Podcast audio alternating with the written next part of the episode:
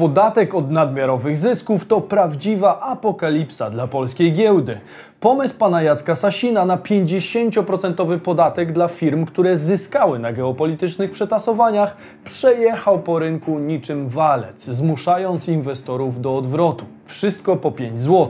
Tak można by nazwać obecną relację rynku walutowego z polskim złotym. Ten tydzień przyniósł jeszcze większą słabość naszej waluty na tle euro, dolara czy franka. Pytanie, jak w praktyce wpłynie to na nasze portfele? 27 września miało miejsce uroczyste otwarcie gazociągu Baltic Pipe, a dzień wcześniej na Morzu Bałtyckim miały miejsce eksplozje, które uszkodziły oba gazociągi Nord Stream łączący rosyjski gaz z Europą. Przypadek? Nie sądzę. Dokąd zmierzał pieniądz w tym tygodniu? Sprawdźmy to. Bizweek. Cotygodniowy przegląd świata biznesu i finansów. Cześć, tutaj Damian Olszewski i witam Was serdecznie w programie Praktycznie o pieniądzach i informacyjnej serii Bizweek, gdzie co tydzień omawiamy najważniejsze wydarzenia ze świata biznesu i finansów, tak abyście dokładnie wiedzieli, co dzieje się z Waszymi pieniędzmi. Jeżeli chcecie być na bieżąco z tym, co dzieje się w naszych portfelach, to warto kliknąć czerwony przycisk subskrypcji. Ten tydzień był bardzo obfity w znaczące zmiany, zatem czas to pieniądz, więc zaczynajmy. Ogromny wzrost walut obcych, wszystko po 5 zł. Niektórzy z nas pamiętają pewnie czasy, w których mogliśmy w centrach miast znaleźć tak zwane sklepy z drobiazgami o nazwach na przykład wszystko za 5 zł. Były to zwykle małe, charakterystyczne sklepiki, w których mogliśmy czasami znaleźć naprawdę ciekawe produkty, a przede wszystkim tanie produkty. Obecna sytuacja na rynku walutowym sprawiła poniekąd, że możemy sobie przypomnieć te czasy. Dlaczego? Głównie dlatego, że teraz to kantory walutowe mogą nazywać się dosłownie wszystko za 5 złotych. Powyżej 5 zł od lat jest funt brytyjski. Od niedawna także frank szwajcarski, o czym opowiadałem w jednym z poprzednich Bizweeków. Do tego grona dołączyło także euro, które poziom 5 zł osiągnęło pierwszy raz w historii w marcu w wyniku wojennej paniki. To jednak nie koniec. Do grona czterech najważniejszych walut należy przecież ta waluta, która uznawana jest za światową. O powodach jej dominacji robiłem również osobny odcinek, który możecie zobaczyć tutaj. Mowa tutaj oczywiście o dolarze, który jest aktualnie najsilniejszym na całym rynku i również przebił barierę 5 zł. Co ciekawe, dolar jest najdroższy w historii. Jest to dobra wiadomość na przykład dla eksporterów. Z drugiej strony jednak bardzo zła dla większości społeczeństwa. Według ekspertów umocnienie dolara wynika z mocnych odczytów danych amerykańskiej gospodarki. Zaskakująco dobrze sprzedają się domy jednorodzinne, a także nastąpił też wzrost pewności konsumentów. Ekonomiści podkreślają również, że Stany Zjednoczone zagroziły Rosji bezprecedensowymi sankcjami w razie eskalacji nuklearnej. Jest również kolejna przyczyna takiej sytuacji. Jak podkreśla ekonomista Mateusz Walewski, złoty traci do dolara jak praktycznie wszystkie inne waluty, z wyjątkiem franka. To skutek wyjątkowo zdecydowanej reakcji amerykańskiego banku centralnego na problem inflacji. Co warto również wskazać, główny ekonomista BGK w rozmowie z Rzeczpospolitą zauważa, że nie wszystkie waluty w regionie tracą jednakowo. Polska jest pod tym względem pomiędzy Czechami a Węgrami. To znaczy, że mogło być lepiej, ale mogło być też gorzej. Dolar umacnia się wobec prawie wszystkich walut na świecie, jednakże jako Polacy patrzymy przede wszystkim przez pryzmat naszego państwa. Słabnący złoty jest bardzo niebezpiecznym zjawiskiem, ponieważ jesteśmy importerem surowców energetycznych, co pomimo spadków cen surowców może generować dalsze wzrosty cen. W szczególności jest to niezwykle ważne w obecnym czasie w obliczu nadchodzącej zimy, która może być dość ciężka zarówno dla gospodarstw domowych, jak i dla przedsiębiorców. Zdaniem Mateusza Walewskiego jesteśmy już blisko granicy, której przekroczenie może być bardzo niebezpieczne dla polskiej gospodarki, co mają także sugerować wypowiedzi członków NBP. Jaka może być na to recepta? NBP może oczywiście podwyższać stopy procentowe bądź dokonywać interwencji na rynku walutowym. Pierwszy scenariusz jednak miał nie być realizowany z racji zawarcia tzw. traktatu sopockiego. Jednakże obecna sytuacja makroekonomiczna może spowodować zmianę decyzji w strukturach RPP. Zwłaszcza, że inflacja pobiła w tym miesiącu kolejny rekord. Jeśli chodzi zaś o interwencję NBP na rynku, to jest to oczywiście możliwe, jednakże należy wskazać, że Narodowy Bank Polski dokonywał w ostatnim czasie takich interwencji i każda z nich powoduje pozbywanie się przez Polskę tzw. rezerw walutowych. Innymi słowy, musimy wrzucić w rynek określoną liczbę euro i wykupić swoją walutę, która jest w tym momencie słabsza. Dlatego tego typu sytuacja jest zawsze ryzykowna dla banku. Co jeżeli w długim terminie wcale się to nie sprawdzi? W krótkim terminie takie działanie może mieć pozytywne efekty, jednakże w tym kontekście kluczowy jest przede wszystkim długoterminowy efekt. No dobra, ale co słaby złoty oznacza w praktyce? Co zdrożeje w wyniku deprecjacji złotego? Z ujęcia ekonomicznego czas przejść do ujęcia bardziej praktycznego, bo to ma dla nas największe znaczenie. Kłopoty złotego znajdą odzwierciedlenie w naszych portfelach. Przede wszystkim wzrośnie cena importowanych produktów, co może być w wielu przypadkach bolesne. Po pierwsze, zdrożeją leki. Co prawda Polska ma kilka dużych zakładów farmaceutycznych. Jest to m.in. Polpharma, Adamet, Bioton czy Biomet Lublin. Ale nie produkujemy wszystkich niezbędnych nam leków. Przede wszystkim nie produkujemy samodzielnie specjalistycznych leków. Warto tutaj zerknąć na twarde dane. Jak podaje Puls Medycyny, Polska jest jednym z niewielu krajów Europy, gdzie import leków przewyższa eksport. Wyłączając z tego surowce czy produkty niekonsumenckie, to właśnie leki są na pierwszym miejscu importowanych towarów. Dla lepszego zrozumienia skali importu, wyobraźcie sobie, że udział leków w imporcie jest taki jak udział części do samochodów. Po drugie, w wyniku słabnącego złotego będziemy więcej płacić za AGD, a także za elektronikę i smartfony. Można to zauważyć choćby na przykładzie iPhone'ów, zarówno tych starszych modeli, jak i tych nowych. Droższe będą również podróże zagraniczne, z czym mogliśmy się spotkać raptem kilka tygodni temu. Wakacje w wielu lokalizacjach były znacznie droższe niż jeszcze choćby rok temu. Powszechne były przykłady, że za takie same parametry wakacji należało płacić nawet dwukrotnie więcej niż w 2021 roku. Wypoczynek w kraju w tym roku również nie należał do najtańszych. Kluczowe są jednak surowce naturalne, a przede wszystkim ropa naftowa, której wartość w pewnym stopniu wpływa na cenę paliw na stacjach. Ropa wyceniana jest na całym świecie w dolarze amerykańskim, przez co wzrost wartości dolara przekłada się na potencjalnie wyższą cenę paliwa. Podkreślam słowo potencjalnie, ponieważ to jeden z wielu parametrów, jaki ma na to wpływ. Ma to jednak odzwierciedlenie w dalszych projekcjach inflacyjnych, co może mieć następnie przełożenie na kształtowanie się stóp procentowych w naszym kraju. I w taki oto sposób dochodzimy do sytuacji, w której droższy dolar może spowodować wyższe raty za kredyty w naszym kraju.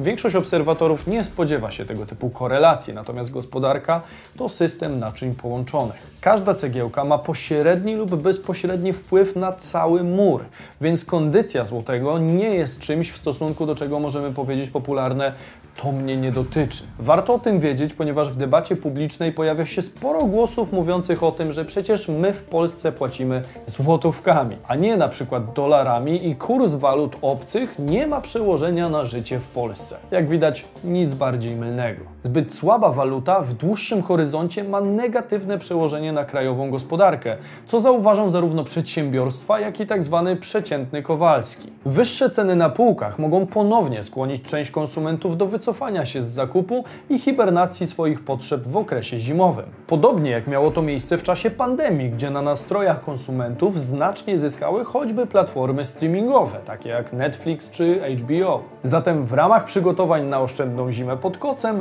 można rozszerzyć sobie pulę dostępnych filmów czy seriali, a w tym mogą pomóc choćby nasi partnerzy. Na pewno znacie już Surfshark VPN, bo kilka razy już u nas gościł, ale pokrótce wyjaśnię jak działa. VPN to tak zwana wirtualna sieć prywatna, która pozwala nam chociażby przeglądać strony zablokowane w naszym kraju za pomocą zmiany lokalizacji. W każdej chwili możemy podłączyć się do serwerów w Brazylii, USA, Wielkiej Brytanii czy w Niemczech i oglądać ich programy telewizyjne czy też filmy na Netflixie i innych platformach dostępne tylko w tych krajach. VPN może także stanowić dodatkową barierę ochronną w internecie, ponieważ szyfruje naszą aktywność w sieci za pomocą szyfru blokowego AES 256. Tym samym nasze hasła, filmy czy zdjęcia są w mniejszym stopniu narażone na to, że dostaną się w niepowołane ręce. Surfshark to również jedyny VPN, który możemy zainstalować na dowolnej liczbie urządzeń,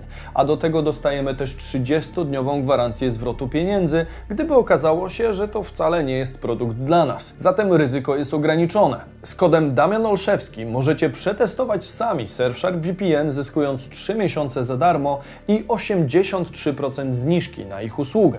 Link zamieszczam w opisie filmu i przypiętym komentarzu. I z góry dziękuję za wsparcie kanału. Podatek od nadmiarowych zysków. Kto go zapłaci? Pan Jacek Sasin to persona, której nikomu nie trzeba przedstawiać. Po słynnych wyborach kopertowych czas na kolejny kontrowersyjny pomysł. Tym razem ten projekt może mieć katastrofalne skutki dla przedsiębiorstw. Minister Sasin proponuje, aby objąć wszystkie duże firmy, które skorzystały na zawirowaniach w światowej gospodarce 50% podatkiem od nadmiarowych zysków. Chodzi tu o firmy zarówno państwowe, jak i prywatne, krajowe czy też zagraniczne, które nie mieszczą się w definicji mikro, małego lub średniego przedsiębiorcy. Mowa więc o firmach, które zatrudniają co najmniej 250 osób i osiągnęły rocznie obroty w wysokości powyżej 50 milionów euro lub posiadają aktywa o wartości powyżej 43 milionów euro. Kluczową kwestią wydaje się zatem to, o jakich pieniądzach mówimy i ile zyska na tej operacji Skarb Państwa. Szacowane wpływy do budżetu z tytułu tej daniny miałyby wynieść około 13,5 miliarda złotych. Kolejne pytanie, które się nasuwa, to na co zostaną wydane te pieniądze? Przede wszystkim rząd w ten sposób chce sfinansować rekompensaty za wysokie ceny energii dla samorządów i odbiorców chronionych, ale tu należy zaznaczyć, że koszty tych dodatków oszacowano na jakieś 5 miliardów złotych. Jak wskazuje dokument, do którego dotarł portal Money.pl, dzięki wprowadzeniu daniny od zysków nadzwyczajnych dużych firm, budżet państwa nie będzie na tej operacji stratny, a wręcz przeciwnie, w budżecie zostanie około 8,5 miliarda złotych. Jak można się domyślać, na tym pomyśle suchej nitki nie zostawiają eksperci. Piotr Kuczyński, główny analityk domu inwestycyjnego Xelion, napisał na Twitterze, że osobiście popiera wprowadzenie podatku od nadzwyczajnych zysków. Jak zauważył Komisja Europejska, proponuje, żeby firmy z sektorów ropy, gazu i węgla zapłaciły podatek w wysokości 33% od nadzwyczajnych zysków osiągniętych w 2022 roku. Podstawą jest zysk wyższy o 20% od średniego zysku z trzech poprzednich lat. Tymczasem u nas podstawą opodatkowania ma być osiągnięcie marży w 2022 roku wyższej od uśrednionej marży z lat 2018, 2019 i 2021. Ponadto ekspert skomentował ten pomysł w niniejszy sposób. Pytanie retoryczne: ktoś oszalał? Zamordować wszystkie średnie i duże firmy w sytuacji, kiedy i tak jest im bardzo ciężko? Mam nadzieję, że to tylko głupie propozycje, które przepadną. Koza, która zostanie wyprowadzona, jak w znanej powiastce. Bez względu na to, czy jest to zwykła mrzonka, która za chwilę zostanie zdementowana, czy też nie, to polska giełda w ostatnim tygodniu gwałtownie pikuje. Między innymi właśnie w obawie przed znaczącym pogorszeniem wyników finansowych spółek, które miałyby zostać dotknięte pomysłem pana Sasina. Czy ten dołek można traktować jako okazję do tanich zakupów na giełdzie? Pewności nie mamy, bo nie wiadomo, czy rząd z tego pomysłu się wycofa. Natomiast jeżeli to zrobi, kapitał inwestorów może potencjalnie wrócić do pikujących obecnie spółek. Zatem dajcie znać w komentarzu, co sami sądzicie o tej sytuacji i czy uważacie ją za okazję inwestycyjną. Macie zamiar wejść na polską giełdę korzystając z niskich wycen, czy uważacie, że giełda dalej będzie pikować? Dajcie znać w komentarzu. Otwarcie Baltic Pipe. Zima jednak nie taka straszna? 27 września uroczyście otwarto gazociąg Baltic Pipe, co jest niezwykle ważne dla bezpieczeństwa energetycznego Polski i uniezależnienia się od złóż rosyjskich. Nareszcie ukończono ten strategiczny projekt, do którego realizacji było wiele podejść. Inwestycja została symbolicznie otwarta we wtorek 27 września w Goleniowie. W otwarciu gazociągu wzięli udział premierzy Polski, Danii, a także przedstawiciel premiera Norwegii. Gazociąg tworzy nową drogę dostaw gazu ziemnego z Norwegii poprzez Danię do Polski, a inwestorami są operatorzy przesyłowi duński EnergyNet i polski Gas System. System przesyłowy kosztował co najmniej 1,6 miliarda euro,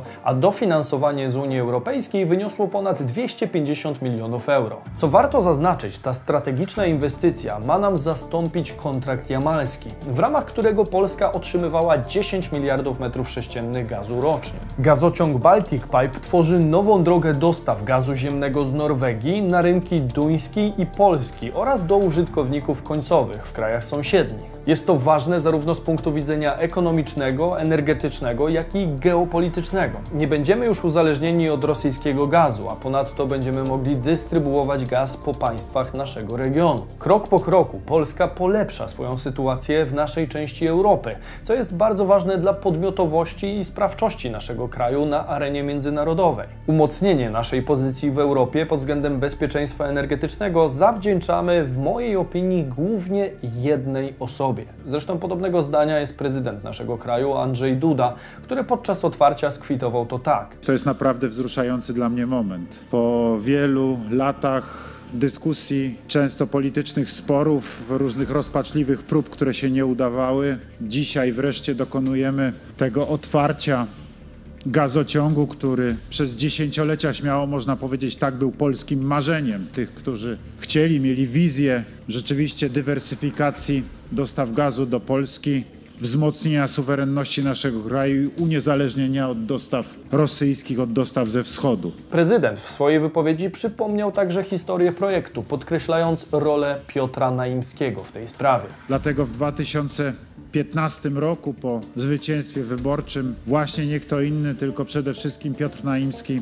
z wielką energią przystąpił do realizacji tego zadania i od samego początku miałem tą wielką przyjemność i radość, że współpracowałem z nim bardzo ściśle. To o tą osobę mi chodziło. Główny udział w umocnieniu naszego znaczenia w energetyce miał właśnie pan Naimski, pomysłodawca ponownego postawienia na projekt Baltic Pipe. Co prawda Piotr Naimski został już usunięty ze swojego stanowiska, ale warto pamiętać, jaką wartość wniósł w trakcie pełnienia swojej roli. Baltic Pipe już został oficjalnie otwarty, jednak mówimy o tym za wyjątkiem dwóch odcinków na terenie Danii, gdzie w 2021 roku na kilka miesięcy wstrzymano pracę ze względu na uchylenie pozwoleń środowiskowych. Wspominałem Wam o tym w zeszłym roku w odcinku na temat Baltic Pipe, który znajdziecie tutaj. Nie wiem, czy pamiętacie słynne nietoperze, których reprodukcja była zagrożona.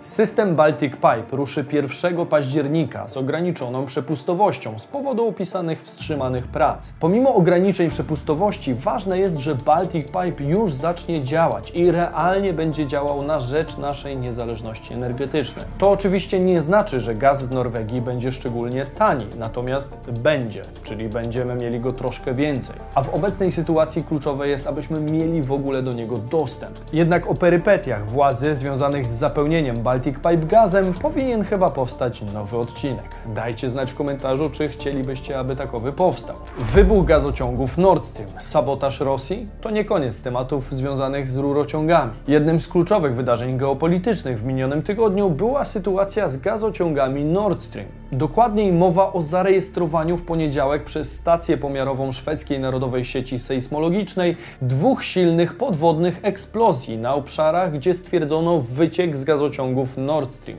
Przecieki nastąpiły w jednym miejscu w gazociągu Nord Stream 2 na południowy wschód od Bornholmu oraz w dwóch miejscach w gazociągu Nord Stream 1 na północny wschód od Bornholmu. Jak uważa informator The Times z brytyjskiego Ministerstwa Obrony Narodowej, wybuchy gazociągów Nord Stream 1 i 2 były prawdopodobnie sabotażem wykonanym z premedytacją i zaplanowanym. Ponadto według wiceprzewodniczącego Komisji Europejskiej Waldisa Dombrovskisa dokonano ich za sprawą ładunku wybuchowego zrzuconego do morza kilka tygodni przed detonacją i uważa dodatkowo, że to oczywiste, że te incydenty to nie przypadek. Wszystkie dostępne informacje zdają się wskazywać na to, że było to celowe działanie, celowe uszkodzenie. The Times pisze również, że Unia Europejska i NATO uważają, że eksplozje obu gazociągów na Morzu Bałtyckim były wykonane jako celowy akt sabotażu. Na Moskwę jako potencjalnego sprawcę uszkodzenia Nord Stream 1 i 2 wskazały od razu Polska i Ukraina, jednak zachodnie instytucje nie chcą wydawać werdyktu do czasu zakończenia śledztwa w tej sprawie. Co warto zauważyć, nie wszyscy jednak uważają, że za wybuchy w Nord Streamach odpowiadają Rosjanie. Choćby europoseł PO Radosław Sikorski napisał na Twitterze Thank you USA, zamieszczając zdjęcie gazu wydobywającego się na powierzchnię Bałtyku. Pociągnęło to za sobą znaczne kontrowersje i fale krytyki w komentarzach. Odniósł się do tego nawet rzecznik Departamentu Stanu USA, Ned Price. Idea, że Stany Zjednoczone są w jakikolwiek sposób zamieszane w ten prawdopodobny sabotaż gazociągów Nord Stream jest niedorzeczna. To nic więcej niż funkcja rosyjskiej dezinformacji i tak powinna być traktowana. Na ten moment nie znamy ostatecznie sprawcy tego wydarzenia, natomiast wiemy jedno. Aktualna sytuacja bardzo mocno uderzyła w niemieckie interesy i de facto zakpiła z ich polityki energetycznej, która była uzależniona od rosyjskich surowców. Potencjalnie te eksplozje mogą również przyczynić się do jeszcze większych kłopotów Europy tej zimy i postawić nas w sytuacji podbramkowej. Czy mimo to uda nam się z tej patowej sytuacji wydostać? Tego dowiecie się w kolejnych odcinkach, które możecie zobaczyć dzięki subskrypcji kanału czerwonym przyciskiem na dole. Mówił Damian Olszewski, a to był Bizweek, wasz cotygodniowy przegląd najważniejszych wydarzeń ze świata biznesu i finansów. Proszę o hashtag Bizweek, jeśli doceniacie naszą pracę i do zobaczenia jak zwykle w sobotę i niedzielę o 15. Cześć!